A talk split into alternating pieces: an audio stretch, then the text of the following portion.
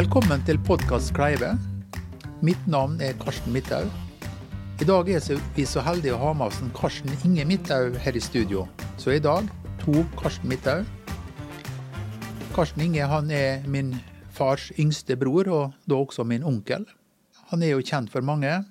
Her kan nevnes Nordmøre og Romsdal kjøretøyhistorisk klubb. Han er en av grunnleggerne av Kleivevannets venner. Hornmusikken og brannkorps har han også deltatt i. Og i dag så er det Kleivatnets venner som er tema. Kleivatnet har opp gjennom tidene vært flittig brukt til bading og fisking. Men det var først i 2002-2003 at området ved badeplassen i østre ende ble frigitt til allmennhetens benyttelse av grunneier Ole Kleive. Dette ble starten på en utbygging og et dugnadsarbeide som fortsatt lever i beste velgående. I løpet av årene som kom, ble det bygd gapahuk, tømmerhytte, paviljong, toalett, brygge, badeflåte og badeplass med mere. Og i 2008 så kom ideen om gangvei rundt Kleivatnet. I 2003 da var det liksom startskuddet for det som eh, senere kom oppe på Kleivatnet. Kan du fortelle litt om det? Ja, det var Vi hadde da allerede bygd opp et område der etter kraftlinjebygging så ble det utgrovet en parkeringsplass som da ble utfylt der som området til Gaphauken og Tønbytter står i dag. Og da ble det noe som heter revitalisering av Kleive. Der ble det en gruppe med en Olav Stunes, Peder Groven og jeg, som da tok på seg oppgave å lage en gapahuk der oppe på Kleivatnet. Vi for rundt, altså Olav og Peder og jeg for rundt og kikka på forskjellige gapahuker rundt om i distriktet. Og fant en da som egna seg for det området, og tegna og konstruerte den. Den første bua, da ble eh, skåret inn blant all false i Osen, og høvla og bygd hos Ole Johan Ytterøy inne på Au inne Osen. Og den ble satt opp her da, eller Det var jo på en kurskveld, og det ble satt opp her på Duda med den gjengen som var med og bygde. Den andre hytta, tømmerhytta, det var da bygd eller hogd furu her borti linjetraseen, den nye linjetraseen, og skåret inn på saien på Løen og lafta der inne. Og det var et kurs da fra, som var på Brødrene Midtøst sitt regi. Og en del av Kleive Betong sine ansatte var også med på den dugnaden. Det ble oppsatt her i 2006 og innvidd i 2009. Og da var jeg 60 år. Da var vi 30 gjester i den tømmerbua, og det gikk meget godt. God plass til alle sammen. Og vi måtte da hogge furu, tolle som heter på vårt språk, og på det skoret til laftetømmer. Tolla ble da hogd i området Kleivatnet, rundt Kleivatnet og ved Kleivatnet. Alf Halsand har sagbruk, som ofte var brukt av bygdens folk. Det var for at Alf var en kjølig svær kar og sa sjelden og nei om du spurte om noe. Så der var det da kjøles greit å komme til og, og skjære. Og der var vi da en fire mann som skar den eh, tollodena i, i, bare store planker. Og, og kjøpte den ut til Ole Johan Ytterhaug for tørking. Ikke så mye lenger ut i Osen da, så bor Ole Johan. Og han har også bygd seg opp et eh, form for sagbruk da. Ole Johan har en skikkelig sagbruk. Men til å begynne med så var jo da drifta der av traktor. Han har bygd om til elektrisk drift, og han har et stort rom, rom ved siden av saia, så vi kunne lafte den helt, den der tømmerbua, eller gaphauken som vi bygde. Og oss andre da, vi var ikke så forferdelig gode på lafting, mm. så, men vi fikk det til. Mm. Ja, Peder er jo kjent for å være en dyktig håndverker i det en holder på med, om det er lafting eller det er knivsmed eller hva det måtte være. Og jeg var jo med på et av disse kursene her, og han er jo ganske bestemt, og, men han er en veldig dyktig pedagog. Det er en, og han, er, han forklarer slik at vi forstår det, og, og, og lærer av. Og han er nøye. Han er nøye, og det bør være når det gjelder lofting, for at eh, er det ikke rett lofta i hop, så vil eh, det trekke inn vann i skjøtene, og det skal ikke være. Så det var kortreist. Det var kortreist tømmer. Eh, På Ganas Bjarne Skalle ble det hogd en del. På Ganas Ole Kleive ble det hogd en del. På Ganas Oddvar Amundsgaard ble det hogd noe furue. Og um, det var jo ikke oss tre som var med og hogde, det var jo flere av bygdas uh, folk som var med og hogde og kjørte fram og brengte eller kjøre furua inn til Dal False for skjæring. Mm. Så her eh, kurset, foruten å, å være et lafta-kurs, eller kurs i lafting, så var det jo en del sosialt der òg? Helt sikkert. Både med mye god samtale og historie. Ikke alle historiene var vel kanskje like sånne, men likevel, det var mye artig. Og vi hadde kaffepause, og kona til eh, Ole Johan kom nå der med gode kaker til oss flere kvelder. Så det var, et, det var et artig og godt kurs. Og når eh, det her bygget her var ferdig, eh, lafta der nede, så var turen til å få montert det, eller få flytta det. Mm. Da var det kjørt opp til Kleivatet. Da hadde jeg hoppet med Leif Reidar Solli, og vi hadde satt ned alle hjørnestolpene som ligger der. Det er seks Det er åtte stolper som vi grov ned, Mm. og to høgder på. og slik at når kom på så var det bare å sette selve sylstokken Mm. på plass. Så var det i orden. Og da var det de som var med og lafta nedpå med Ole Johan der, som eh, var med og sette opp igjen.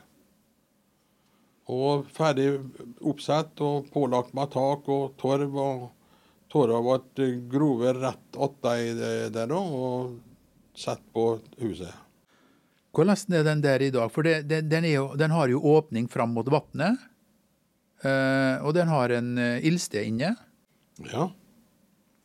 Og det er altså den, den ildstedet, den grillen, eller hva det være, det var noe som er laga her på fabrikken der. Og, men det som er svært, at vi har dører i fronten på den. På, på. Og den, når det vintertid kommer, så lukker vi døren, og det er tørt og fint inne i gapauken. Det er nå ofte når de går forbi der, enten om det er på, på sommer og høst, eller på vinter, så eh, av og til så blir det fyrt der inne. På alle årstider så er det noen som drar dit opp og har glede ut av og, For der er ved tilgjengelig. Klevades venner, da har jeg ordna med ved så står der, da. Og det er til fri benyttelse, da. Og hvis du ønsker det, så kan du sende en liten skjerv da til oss. Det er så svært om bare legger vips og, og greier, så send en liten betaling for ved. Og det, det har jeg gjort. Så vi har nesten fått inn det som vil koste oss å lage ved. Mm. Eller kjøpe ved som vi gjør da. Så um, Ja. Nei, men det er godt benytta, og det jo det som var hensikten med det, at uh, det skulle bli brukt. For det var jo kjøle tulle hvis vi hadde ordna det der og ikke noen brukte det. Det, det var jo på en måte et sånn startskudd til det for det som skjedde etterpå. det For det ja. stoppa jo ikke med det bygget der. Da er vi på neste bygg. Da var det en Otto Midthaug som kom om at han skulle ha et laftekurs for ansatte hos Brødrene Midthaug. Da var det en gjeng som måtte ut igjen og hogge tolle. Og det, den tolla ble da hogd i den traseen som den store linja kom over fra Ista og over til helt ut til Aukra.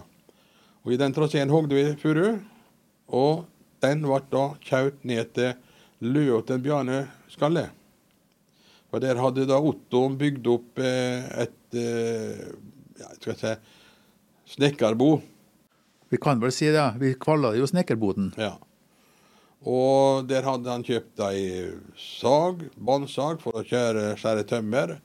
Han hadde eh, investert i en fres som fresa enden på Eller laftebiten av tømmeret.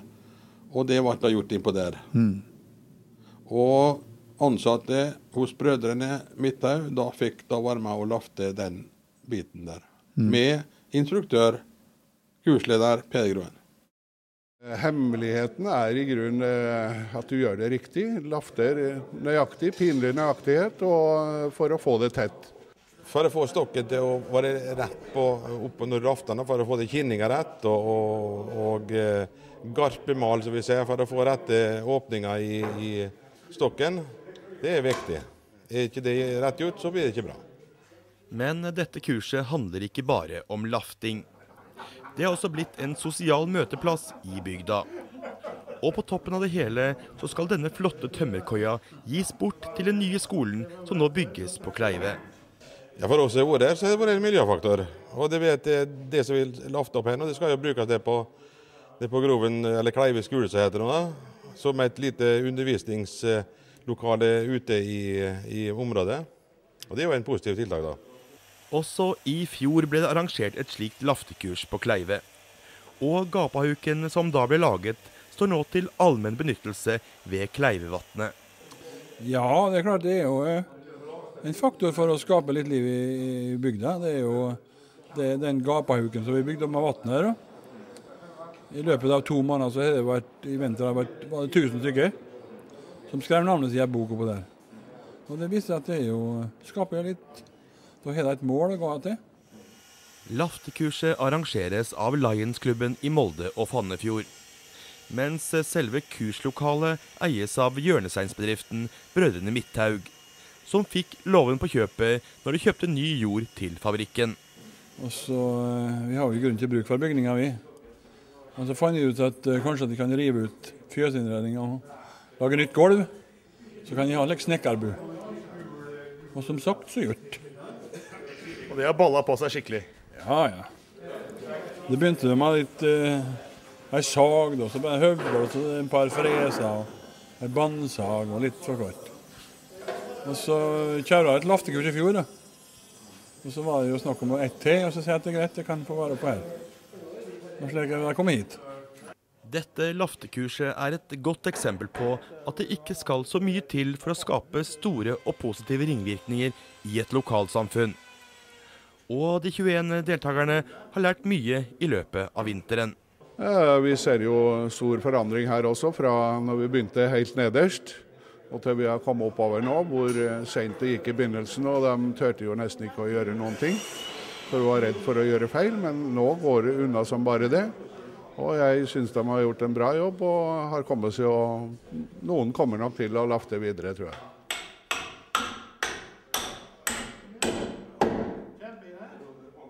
Jeg var sjøl med på kurs der nå, det var jo veldig kjekt. Bakgrunnen for, eh, for den snekkerboden var jo det at eh, brødrene Mitta da kjøpte eh, gårdsbygningene hos Bjarne Skalle når han da la ned gårdsbruket i, midt på, på 2000-tallet. Og det var jo da at ideen om det her snekkerboden eh, har Otto fått for seg da. Så da ble jo fjøsinnredninga fjerna ut og snekkerutstyr eh, kom inn da. Og mye av det snekkermaskinen som kom der, det var jo med eh, far min da, borti Kortgård fabrikker, og det ble kjøpt av eh, ja, tidligere Kortgård fabrikker, da, og Leif Atle Nordhaug. da, Så kom de til Kleive og ble pussa opp og, og satt i stand da, til, til, den bruken som det har blitt i ettertid. da. Og så har det blitt supplert med en del utstyr etter hvert. da. Um, men det der lokale det kan du jo fortelle litt mer om. Det, altså det har sag for å skjære tømmeret. Vi har det utstyret som vi trenger for å måte lafte. Mm -hmm. Men lafting består jo også av en del håndverktøy, da, som den enkelte Det, altså Du må ha både oks og, og Det heter jo spokkskjep, men en båndkniv må du ha. Og, og for å få laftinga til. For du skal jo skjære knutene og hele pakka. Og det gjør du ikke i utgangspunktet med vanlig båndsag. Det bruker du håndsag, eller og så hogger du med, med oks og får meg til. Så utstyret som vi henter på der i dag, det er jo både planøvel, dimensjonsøvel, fres, kløvsag, båndsag og vanlig kappsag og fullt utstyr. Også der ble det laga til med oppholdsrom. Melkerommet ble jo da innreda og oppussa og, og laga til et oppholdsrom. med langbord og stoler. Og, og langbordet var ikke Otto som laga, og stolene, benkene var Otto som laga. Så det er jo kortreist alt, slik da. Ja. Og det ble det jo benytta under kurset. Men da tidligere sagt at det er jo mye gode historier, og litt av den historien kanskje ikke så helt sånn, da, men det er jo slik det bruker å være. Du kan ikke ødelegge gode historier med fakta. Nei, Må det går ikke an. Nei, vi må, vi må tåle litt romslighet for å få dem gode. Legge litt på. Ja. Da blir det godt. Den bua, når ble den satt opp? Den kom opp i 2008. Eller den ble lafta da i 2007, og ferdig montert i 2008. Ja. Og der var det en, Vi var jo en, en gjeng oppe der og stepte murer og, og, og laga til gulv. Og der i den uh, tømmerbua er jo da varmekabler i gulvet. For at når Istakraft uh, laga til linja, så satte opp en trafo, som da er vår uh, Der som vi tar strømmen ifra. Både til hyttene og til området der. Og den ble da ferdig i 2008. Men da hadde man kommet godt i gang der oppe. Det begynte å ta form, det her. Vi hadde fått opp eh, Gapahaug. Og den eh, hytta som kom der, vi kaller det hytte, eller Tømmerbua. den tømmerbua som kom der. Og en Olav Sturans hadde montert eh, paviljongen sin ute. Ja. Så det begynte å ligne på noe, det her. Ja, det gjorde det. Og da ble det litt mer formelt, for da hvem skulle ta i vare dette her og styre dette her? Men jeg tenker jo da på Kleivatnets venner. Ja, de kom, de òg, men at vi måtte begynne å søke da i tidlig for å få midler. Og da Kleivatnets Venner var da offisielt stifta den 1. mai i 2008. Og for å få utbetalt noen penger som gjensidige hadde avsatt til slike formål, så måtte vi være registrert og Brønnøysundsregistrert for å få ut av pengene. Og Det ble gjort 1. mai i, i 2008. Og for at veien var jo i, på en måte planlagt, da, vet du. Ja, for eh, nå, er, nå har området kommet på plass. Eh, eh, og så var det da det, ideen om den veien rundt vannet. Det er jo veldig fint eh, oppe med Kleivatnet for dem som ikke har vært der. Og, og dere så da muligheten til å ja, få en vei rundt der. Ja. Og ideen kom vel når jeg var flere turer i Kristiansund da i 2008 og så en vei, gangvei, som gikk ved siden av Bolgavatnet. Og tenkte jeg at det må nå være gående å lage også en slik en vei rundt Kleivatnet. Og lufta noe der åt uh, Kjeldøen, kona mi, og en, uh, Eli og Helge Sentli, de har jo hytte la vi oss opp på fjellet der nå. At det må gå an å lage en vei. Og en søndag så tok vi på oss støvlene og gikk rundt vannet. to bilder og planla da en gangvei rundt vannet. Slik som den er bygd i dag.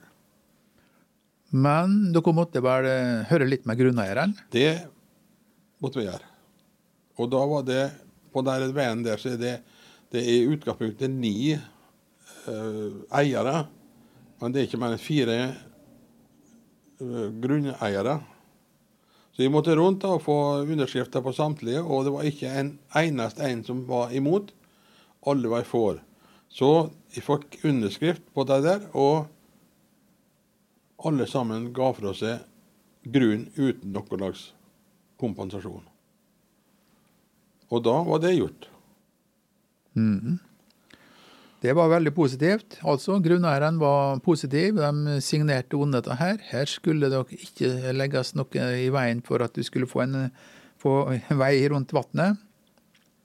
Men det var vel den enkleste delen. Det var det. For da måtte jeg sette meg ned. Jeg hadde jo tatt bilde, skrevet en god del, og gikk på da kommunen, eller da ITRI fritids- og idrett, var ikke det det heter? Eh. Idrett og fritid. Molde kommune, ja, ved idrett og fritid. Og ja, det var positivt innstilt på det der. Da skal vi bli med på. Ja, det var kjempegreit. Eh, la fra meg søknaden og greier. Og Men det skjedde ikke noe. Nei. Hørte ikke noe.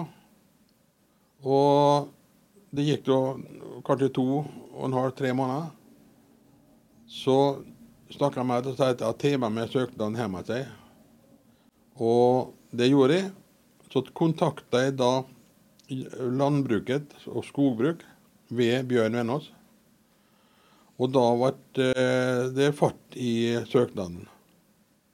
Veien ble godkjent som eh, Varslia traktorvei, klasse 8. Og den er godkjent for 40 år. Og da var det bare å starte. Og seinere den høsten så fikk du Det, altså, jeg fikk jo da årets ildsjelpris, som var utgitt av Sparebanken Romsdal. Men det var, bare, det var mer enn bare en sjekk. Det sto vel noe på den? Ja, det sto 27 500. 27 500. Så da, da begynte det her å virkelig bli litt formelt. Nå hadde Da vi hadde vi litt skillinger å starte på. Og det ble da organisert og med skogsgreier først.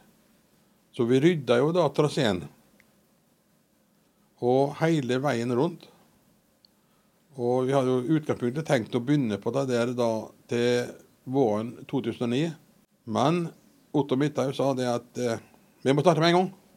Og som sagt så gjort. Og vi rydda veien og grovjamna den helt fram til Skalvastua, omtrent halve lengda. Og grusa den det første året, altså 2000, høsten 2008.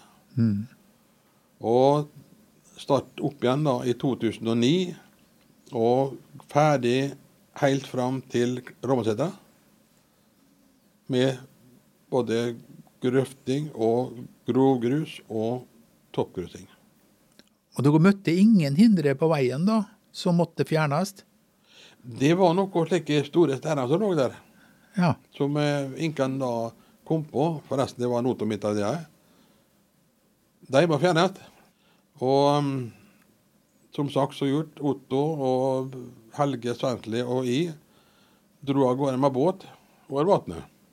For det var ikke slik at det var så forferdelig godt å gå ennå. Og vi bora noe hull i disse steinene, og Helge og Otto da skulle fylle opp med dynamitt og, og trykke, og jeg skulle ro hjem igjen. Og mm, før jeg var kommet ja, vi har kommet ca. 50-60 meter ut på vannet, og der smalt det. Og ei steinrøys kom opp i lufta, og jeg rodde med livet som innsatt for å ikke bli truffet av steinreisa. Og så to som sto på den andre, sto bare hauka. Du, var kjempegreier, ja. Men eh, veien ble eh, ikke noen skadet, og veien ble laga og, og grusa. Jeg før du fortalte det der, så har jeg ikke hørt den historien før, men jeg tviler ikke på, for at uh, far min, han, eh, Otto, han reiste jo ut i Eide eh, mange år før, han og Helge Brassat, gikk på kurs i grøftesprenging. Så jeg har jo vært med uh, som vakt da, ved en del sprengningsoppdrag uh, i oppveksten da. Og det, vi bora, ja. Og lada hardt, og, og så var det En gang så brukte han hjullasteren som dekning. Satt i skuffa og hadde ikke tid til å legge noe eh, matta oppå, så han brukte snøskuffa på hjullasteren til dekning. Og da var det å, å legge seg i, i, eh, i ly for det her, da. Eh, så det var litt på livet løs, men det var litt artig òg, da. Ja, det er ikke bestandig det går like godt. for Når du snakker om det der, så var det en sted som for garneveien der. Det var to steiner som for garneveien. Den ene for i, i retning huset hos oss, men den landa jo Det gikk bra. Den andre den eh, er synlig bevis for en dag i dag. Det er på vanntårnet oppe i Øverbødalen. Det har et, eh, for deg som går forbi der, så vil jeg se det er et stort merke i den vanntårnet. Og det var en stein som for den veien. Men det, godt gikk det jo. Fikk jobben gjort. Ja, Handlingens mann. Det er så kunsten. Få det ferdig. Få det gjort. Og det er klart, Notodden Helge der, der fikk vekk steinene, og, og vi hadde da kanskje på en måte fri lende til å begynne å gruse. Eh, I 2008 da, så var den grusa halve veien rundt. I 2009 så ble den grusa ferdig. Da ble den ferdig grusa. og åpninga ble da satt til september 2009 med storklipping og hornmusikk. Og det var Marit Bratseth, en av våre første som ga oss tilskudd. Og Simen Spåsund Vollan, som var da rullestolbruker. For at veien er jo laga til å bruke både for vanlig gående og rullestolbrukere og bevegelseshemmede. Mm. Og da ble det da um, servert rømmegraut, kaffe og kaker til samtlige som var oppe der. Det var en regnværsdag, men folk møtte opp i Hopedal. Ja. Eh, nå hadde veien rundt kommet på plass, det var første del i hvert fall. Den, eh, og så hadde satt to husene frampå der og kommet på plass, altså lafta Da vet du hva det, at det, I fronten da kan du si at av den området det var ikke noe pent. Det var store steiner og, og ujevnt og greier. Og da tok eh, Tore Midthaug og Leif Reidar Solli og laga til en natursteinsmurkant rundt hele området. For den skulle vi da bruke i etterkant til å bygge brygge på. Og det ble gjort i 2009. Ble det ferdig, og eh, dunad på å bygge brygger rundt hele området. Materialet som vi brukte til det, altså, det var jo henta opp i Grøndalen. Otto Mitta hadde da tidligere tatt vare på en del material fra demninger på Siltadvatnet. Og den materialen henta vi og brukte til underliggere og røsverk til brygga. Eh, sikkert noen år før så var det gjort en stor renovering oppe på Silset. Eh, jeg vet ikke om det skulle forsterkes til sånn tusenårsbølge, hvor nå den skulle komme fra. Og da ble det jo tatt ned veldig mye det som er ja, hud, da. Mm. som var på en måte å beskytte demninger mot is. Og det var jo kreosotmaterial som var tatt ned der. Og den fikk en Otto i betaling for at han hadde hjulpet Istad Kraft med forskjellige eh, bistand da, under denne renoveringsjobben. Men, eh, så den, den, den kom godt til nytte mange plasser i bygden. Den kom godt til rette både opp på Kleivatnet, på skytebanen og hvor du vil ha den. Det var trykkimponert material eller kreosotmaterial brukte mye. Ja. Og det måtte jo ha et toppdekke på den der, vet du. Og det klarte Helge Svensli å få sponsa av eh, Ea Smith. Ea Smith i Kristiansund. Som eh, Så vi hadde lite ut, utgifter på akkurat bryggekanten. Det var jo kortreist det meste, med ganske begrensa midler. Så hadde man nå greid å få bygd opp bygninger. Man hadde da fått bygd eh, kai og veier rundt.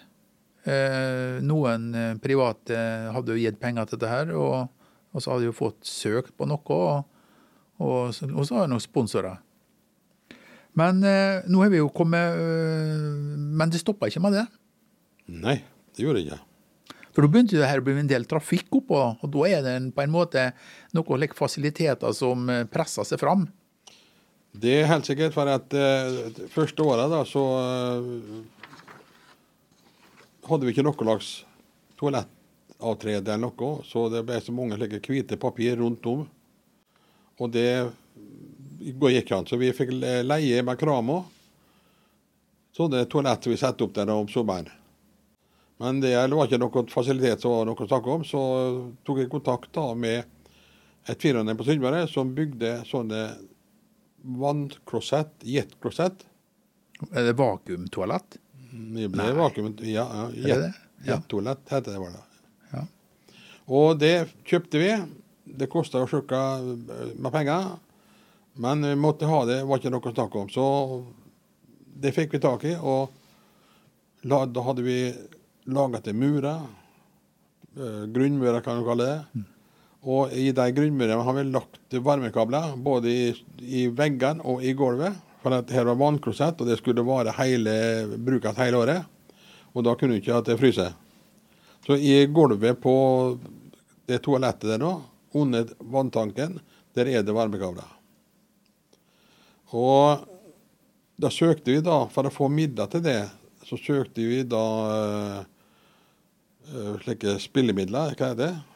Grasrotandel? Nei, ikke ennå. Ikke ennå? Nei, det er spillemidler, ikke Ja, det er tippemidler. Tippemidler heter det. Og det fikk vi da, men det kom i etterkant, lang tid etter at vi hadde brukt pengene. Mm. Så eh, det som da berga oss i begynnelsen, det var jo Kleiv idrettslag. Gjensidige. Pluss de private som ga oss midler. Mm. Det var det vi starta på. Og så du nevnte litt av det i stad, slik eh, grasrotmidler. Og det kom det, og det, og det er utgangspunktet grasrotpengene som vi nå driver for. Mm. Og det kan være opp igjen 60 000 i året. Da begynner dette her å, å på en måte tar form, og vi ser vel egentlig for at det mesteparten av det som er der i dag, eh, var, kommer den tida der? Det er nesten alt var kommet da. Det som skjedde i etterkant, da, vi laga jo da den badebrygga. Den var ikke til å begynne med. Så laga vi ei sånn eh, badebrygge, badeplattform ute på vannet. Mm. Og rundt om, da, så ble det oppsatt eh, øh, hvileplasser, kan du si. da. Og det er jo da bord som er innkjøpt etter gaver som vi har fått fra personer i Kleive som er gått bort. Mm. Som da har sagt at gi heller en gave til Kleivats venner. Ja. For nå er det jo kommet eh, Det er nå to av disse her plassene som har tak over. Ja, Og så er det ei fiskebrygge, også tilrettelagt for rullestolbrukere. Og så er det noen åpne plasser. riktig. Og den ene øh, bordet med tak, da, som står bort på Skalvastøa, det var jo den første som vi laga sjøl. Mm. Og da var det jo brukt Jeg var jo inn på Stekkarboa, som var plassen som vi laga til og satte opp. Og så fikk vi ei da som gave, som står som vi nå har kalla Stueneset. Mm. Og så er det da laga noen sånne hvileplasser, eller hva skal kalle det. Mm. For at eh, når det gikk noen år, da, så var det snakk om at det var ikke så mye til trafikk rundt forbi Romålsetra. Mm. For ute på Romålsetra, da, der er det jo tre-fire hytter. Og den eh, veien er jo ganske tett på de hyttene, da. Så da ble det vel ønske fra eh, noen hytteeiere der at man kunne lage en trasé som var litt mer trukket fra hytten. Riktig. Og da tok vi og laga en ny trasé der, da. Helt på vestenden av vannet og innover mot Vassbekken. Delvis med grus, og delvis med da planker og, og, og, og gangbane. Det er jo litt sånn våtmarksområde. Det er enkelte- det ja. Og du må jo søke om alt i dag. Mm. Og der jeg laga en søknad, og det var de i tvil da, om de skulle gi oss løyve til det. For det kunne være våtmarksområde, Mm. det der. Altså, sier jeg at Jeg aldri sett noe vadefugler noe akkurat der, jeg, så det tror jeg ikke noe på. Og søknad som da Han ble godkjent der, da. Men det kosta Kleivvatns venner 11 750 kroner. Søknaden å ta der. Og i enden, eller ved Vassbekken, da, så laga vi et lite sånn hvileplass. Med en liten øh, gangbane bortåt. Og det er jo da etter et øh, gave fra en som er gått bort. Nå er den traseen ferdig. Og hvor lang er den borte? Altså, Den eh, traseen som vi har laga totalt, da, den var jo til å begynne med 1400 meter. Og så laga vi den nye traseen med vannet, og da ble det en eh, totale lengde 1700 meter. 1700 meter eh, har dere laga rundt der, og, men totalt så er det 2128 meter da, med veien.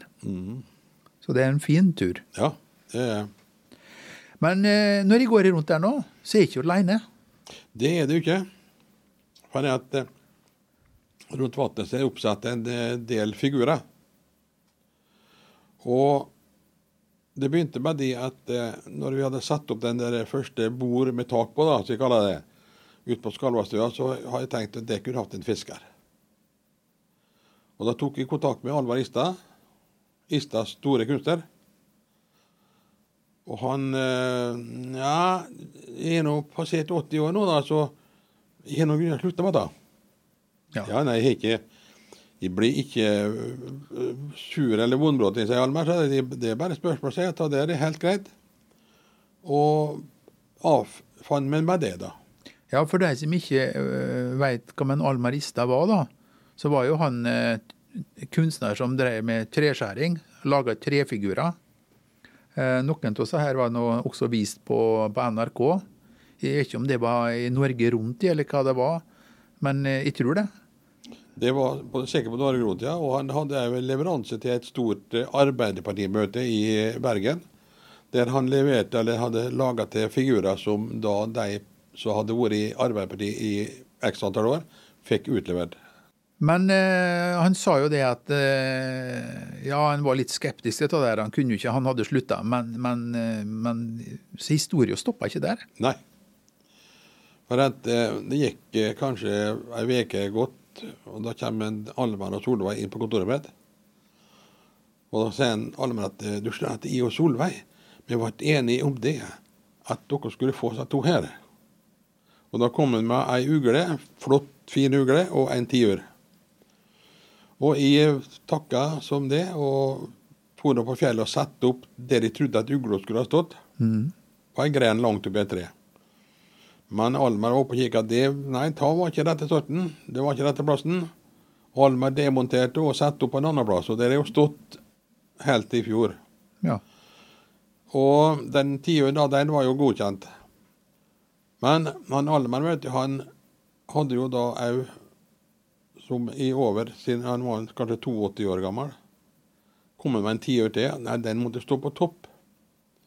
Så på, kan du se, sørsida av vannet, der står det en tiur oppi ei tolle.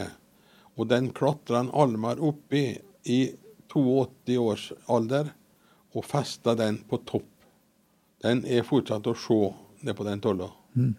Men det gikk da da eller La meg si det gikk tre uker, da.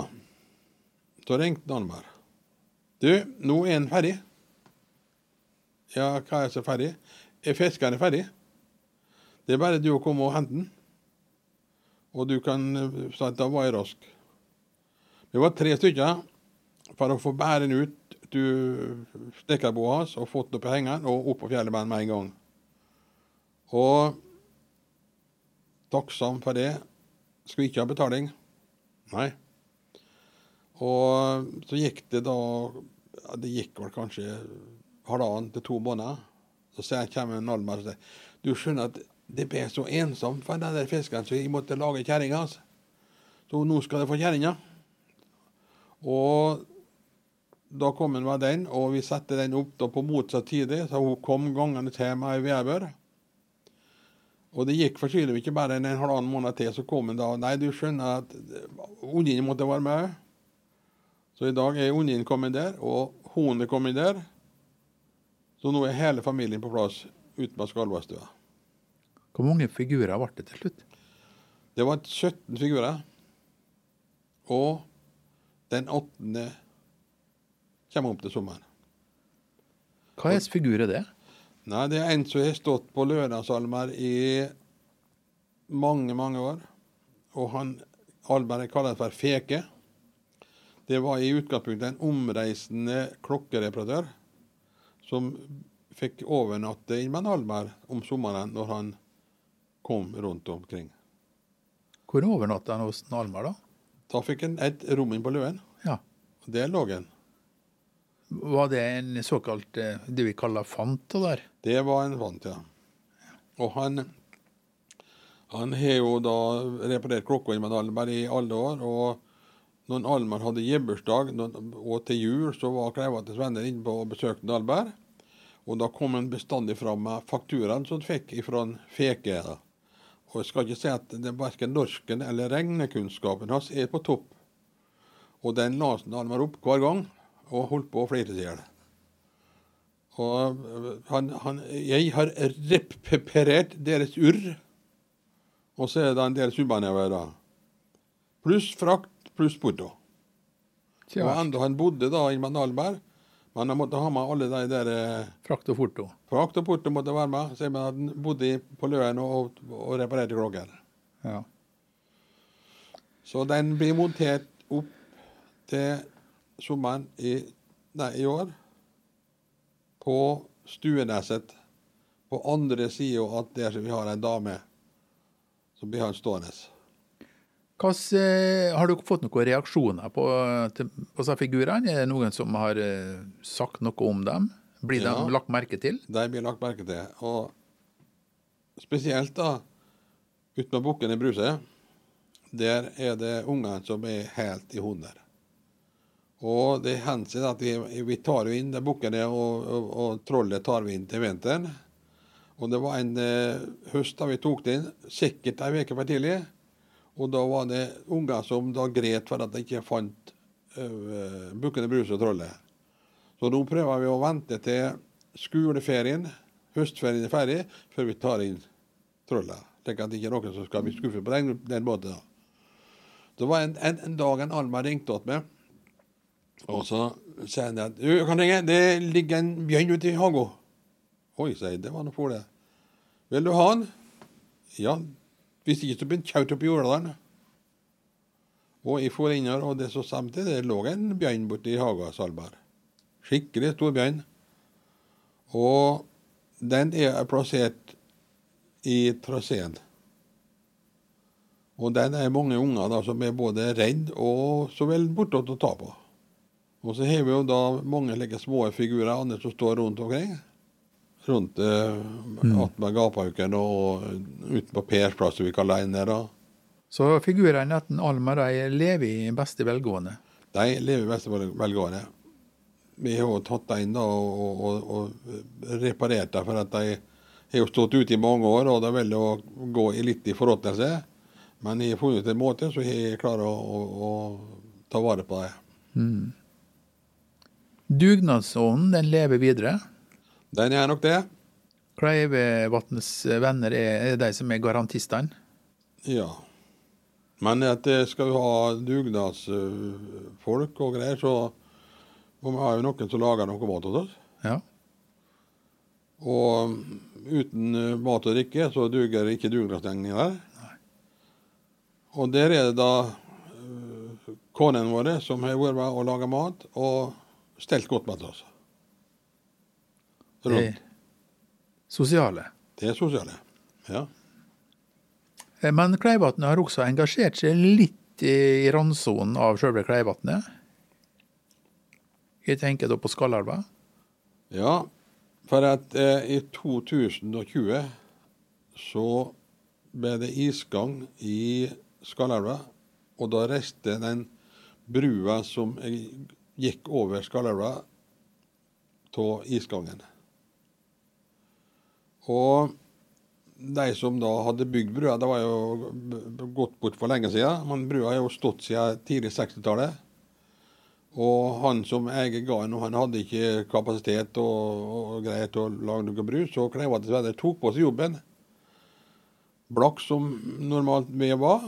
Tenkte jeg at vi prøver, prøver, bedre, så blir det. Og da snakka jeg med brødrene mine og fikk brua tegna, beregna, produsert, kanalisert og lakkert.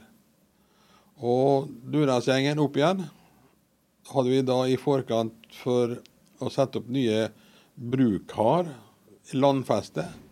Vi har bygd opp da isploger på en måte, slik at isen i tilfelle kommer, så skal den gå forbi brukere. Og fikk montert opp brua da en lørdag. Og denne brua er jo da med spleis og sponsorer og greier koster vel 126 000.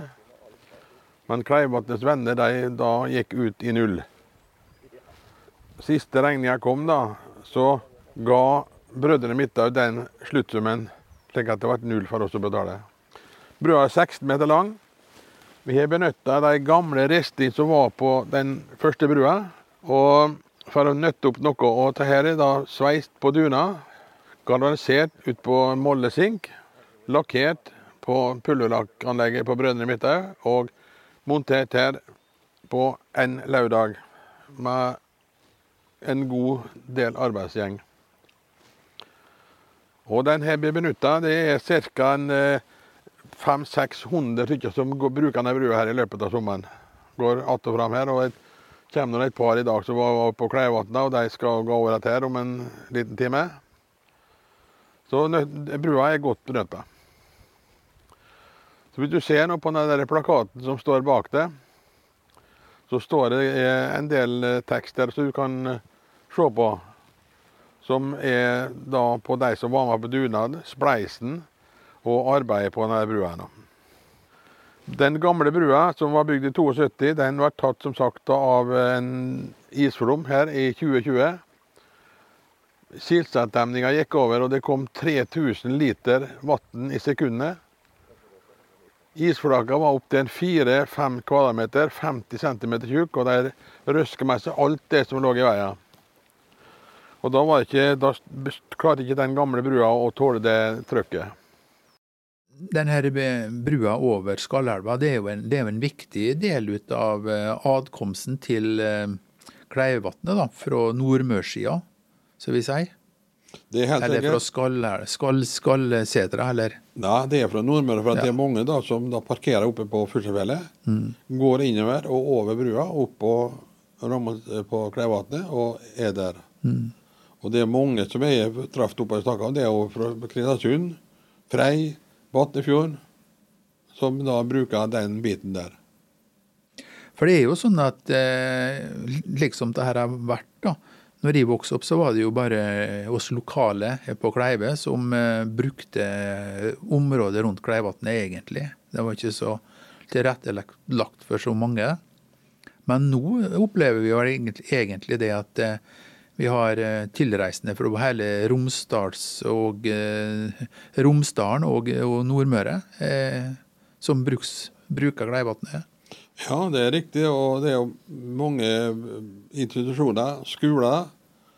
Kan du nevne Nordmøre folkehøgskole. Torvika bruker den. Batnefjord skole bruker den. Skjevik skole bruker den. Barnehager, institusjoner som har da benytta seg av området. Og så er det da Fra Romsdal videregående der kommer det en biologiklasse hvert år. Som er her i ett døgn og tar prøver av fisk, eh, insekt og det som må. Og dans, seniordansavdelinga. Det har vært veteranbiltreff oppå der.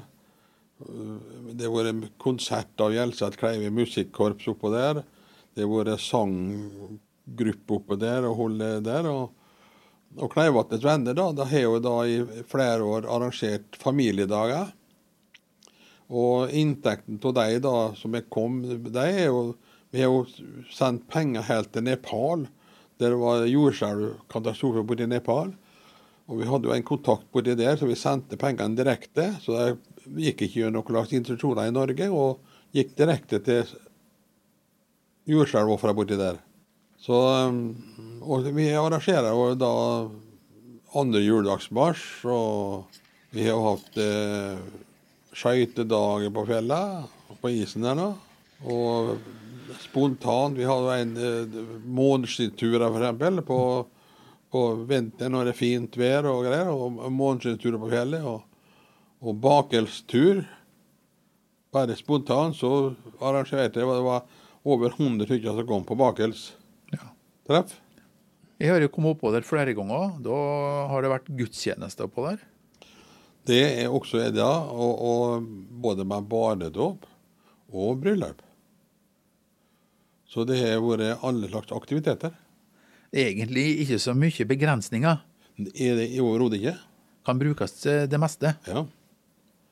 Så eh, når vi hadde det ferdig med toalettet oppi der, så tok presten og velsigna det.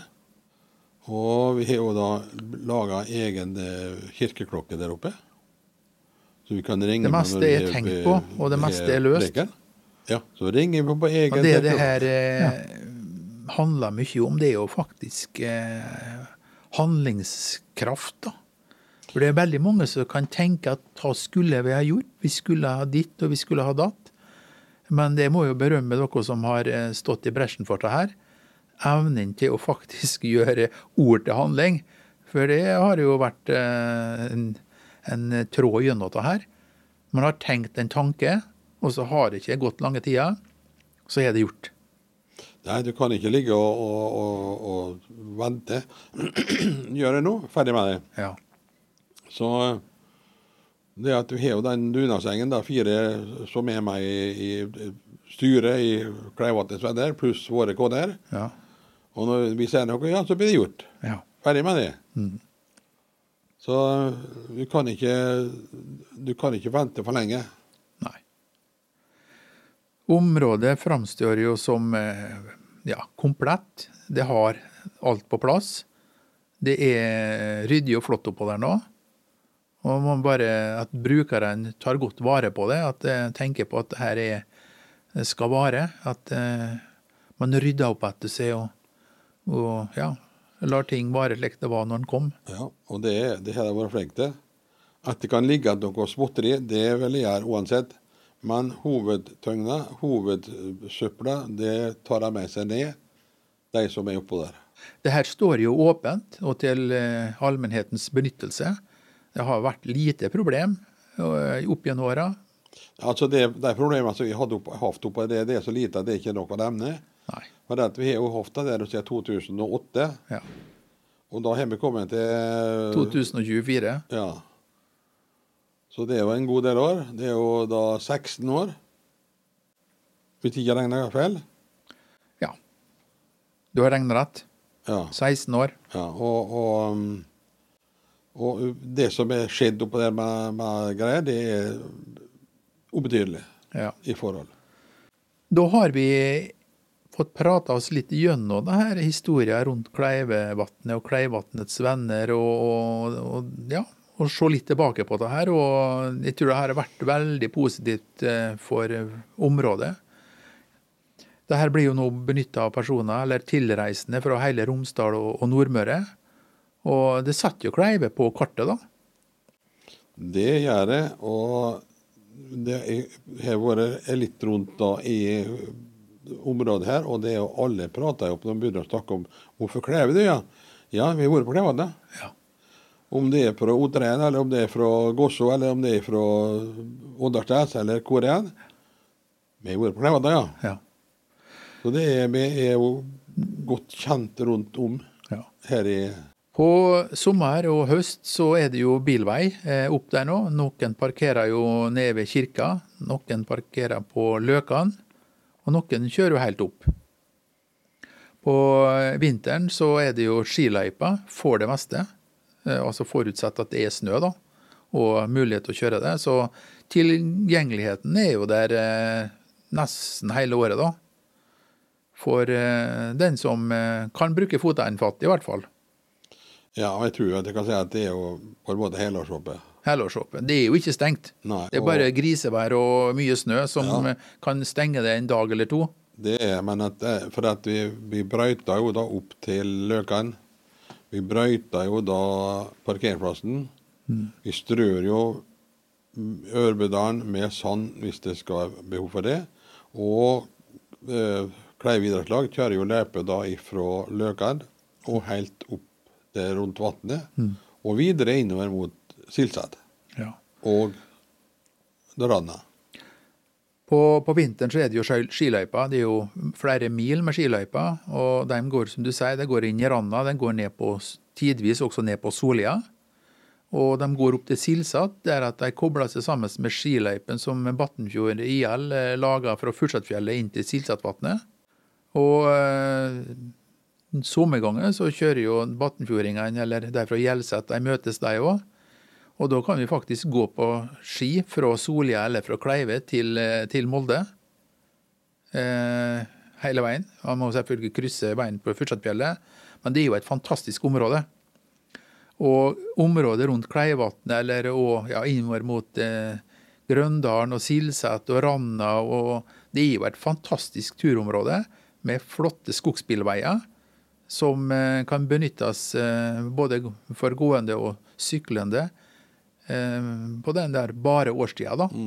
Så det er veldig mange som blir overraska hvor flott terrenget er her oppe, og hvor tilgjengelig det er. da. Passer jo veldig godt for, for normale trimmere. eller sånn. Det er ikke noen ekstreme utfordringer, men, og det passer jo godt for familier. da. Ja, jeg var akkurat snakka med noen nå forrige uke, her, og de hadde gått da opp. De skulle bare gå en liten tur. Men de havna nå da inn på randet, for det var jo toppløypa. Og kom ned igjen, da så var det stopp i Kleivatnet og inn i Tørnbua og fyrte opp og kosa seg innpå der, før de da gikk hjem igjen. Ja. Så det at det, det blir jo benytta hele året. Og som sagt så er det jo da åpent hei- og helårsåpent. Og ved ligger det der, så alle kan benytte. Og det hadde de gjort da, kosa seg inn i tømmerruta før de gikk hjem. Jeg bruker jo området en del sjøl. Og både på, på vinter og sommer så møter jeg veldig mye folk som eh, benytter dette her. Eh, og en veldig mange av dem er jo tilreisende, for det er jo ukjente folk da, så, som kommer. Det er jo ikke bygdefolk, men, så det er veldig populært for tilreisende. da. Det er noe Ja, det er samme som jeg møter folk oppå der på sommertid, og det er jo det, er ikke, det er ikke en tredel du kjenner til folket som er oppå der. Og, og, og sommeren så er det jo mye bading der. da. Og familier oppe der med ungene og, og, og koser seg og bader på vannet. Det var veldig hyggelig å få en eh, tur gjennom Kleivatnets eh, historie her nå, fra nyere tid. Kleivatnet har jo vært benytta eh, til bading i, siden tidenes morgen. Eh, I vestre ende av Kleivatnet så har vi Rommulsetra. Og nord for Kleivatnet så har vi Kleivsetra. Så på sommeren eh, for 100 år siden så var det seterdrift. Det har jeg lest i han Ole Kleven. En young man's dream. Ja, Young Man's Dream fra, fra Kleive. Han eh, karen her, han eh, var født og oppvokst i Nilsgarden. Emigrerte til, eh, eller utvandret til USA i 1920-åra.